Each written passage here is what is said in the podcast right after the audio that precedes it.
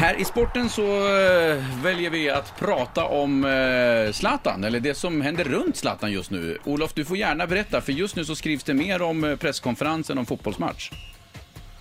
Ja, det blir ju så lite bisarrt emellanåt. Eh, för egentligen var det ju bara... Jag tycker inte själv att jag hade några konstiga frågor. Men jag frågade ju honom om, apropå att han har...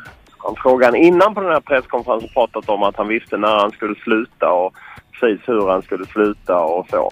Och då frågade jag honom eh, just eh, att han bygger upp eh, en massa saker vid sidan om fotbollen. Som att han i sommar släppte sin parfym och han ska göra något med Dressman. Då frågade jag honom hur viktig den verksamheten är för honom. Och då blev han väldigt irriterad för att han har fått för sig att jag inte tycker att han kan tjäna pengar. Eh, vad han nu har fått för sig det. Och eh, att jag inte gillar hans Dressman-samarbete. Men eh, det stämmer inte det heller. Så att, jag, men där spårade han ur lite. Men då frågade jag ändå, försökte jag ändå ta tillbaka det och fråga liksom om, om eh, framgångar i affärslivet kan vara samma kick som på fotbollsplanen. Och då, eh, ja, då var han rätt elak får man väl säga. Ja. Och vad svarade han då? Nej, men han svarade att han får ont i magen. eh, Eller han hoppas jag ska få ont i magen när det går bra för honom. Att det ska svida i mina ögon när det går bra för honom. Han tänkte Ungefär att du är, då är lite avundsjuk på hans framgångar. Det var så han framställde det. Ja, mer än att han... Ja, kanske det. Men också att han... eh, Att han... Det är en tick för honom. En drivkraft för honom att eh, jag ska må dåligt. Men alltså det som gör det så unikt här egentligen Olof Lund, det är ju det att du är väl den enda sportjournalisten som överhuvudtaget inte bara dansar efter Zlatans pipa. Ja, jag skulle inte säga så, men eh, det är klart att det har funnits eh, kring honom en, en aura som gör att folk inte gärna går på honom. Han, är, han kan ju vara rätt tuff och han kan vara rätt... Sen är ju dessutom så att han kan vara lite elak och sen ler han sitt eh, charmiga leende och så skrattar de flesta. Och, Alltså det påminner ju... Situationen kan ju påminna om, eh, om hur det är i, ja, på arbetsplatser eller i skolor ibland när man har någon som eh, plockar hem lite poänger på andras bekostnad.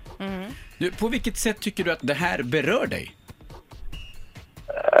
Egentligen, sett till att jag är så gammal nu så kan jag säga att det berör mig inte sådär jättemycket. Eh, det hade varit mycket värre om jag hade varit yngre. Då hade jag tyckt det var oerhört jobbigt. Eh, det kan jag inte påstå att jag tycker nu. Jag tycker mer bara att det här bevisar lite den tes jag hade. Att framförallt att förbundet bara går i hans... eh, i, Ja, att han gör som han vill. Att han är ändå lagkapten och representant för Sveriges landslag som representerar liksom den största idrottsrörelsen i Sverige och en av de största folkrörelserna. Han är alltså en representant för dem och han tycker att det är okej att sitta på en presskonferens och säga att han, eh, han drivs av att någon annan ska må dåligt.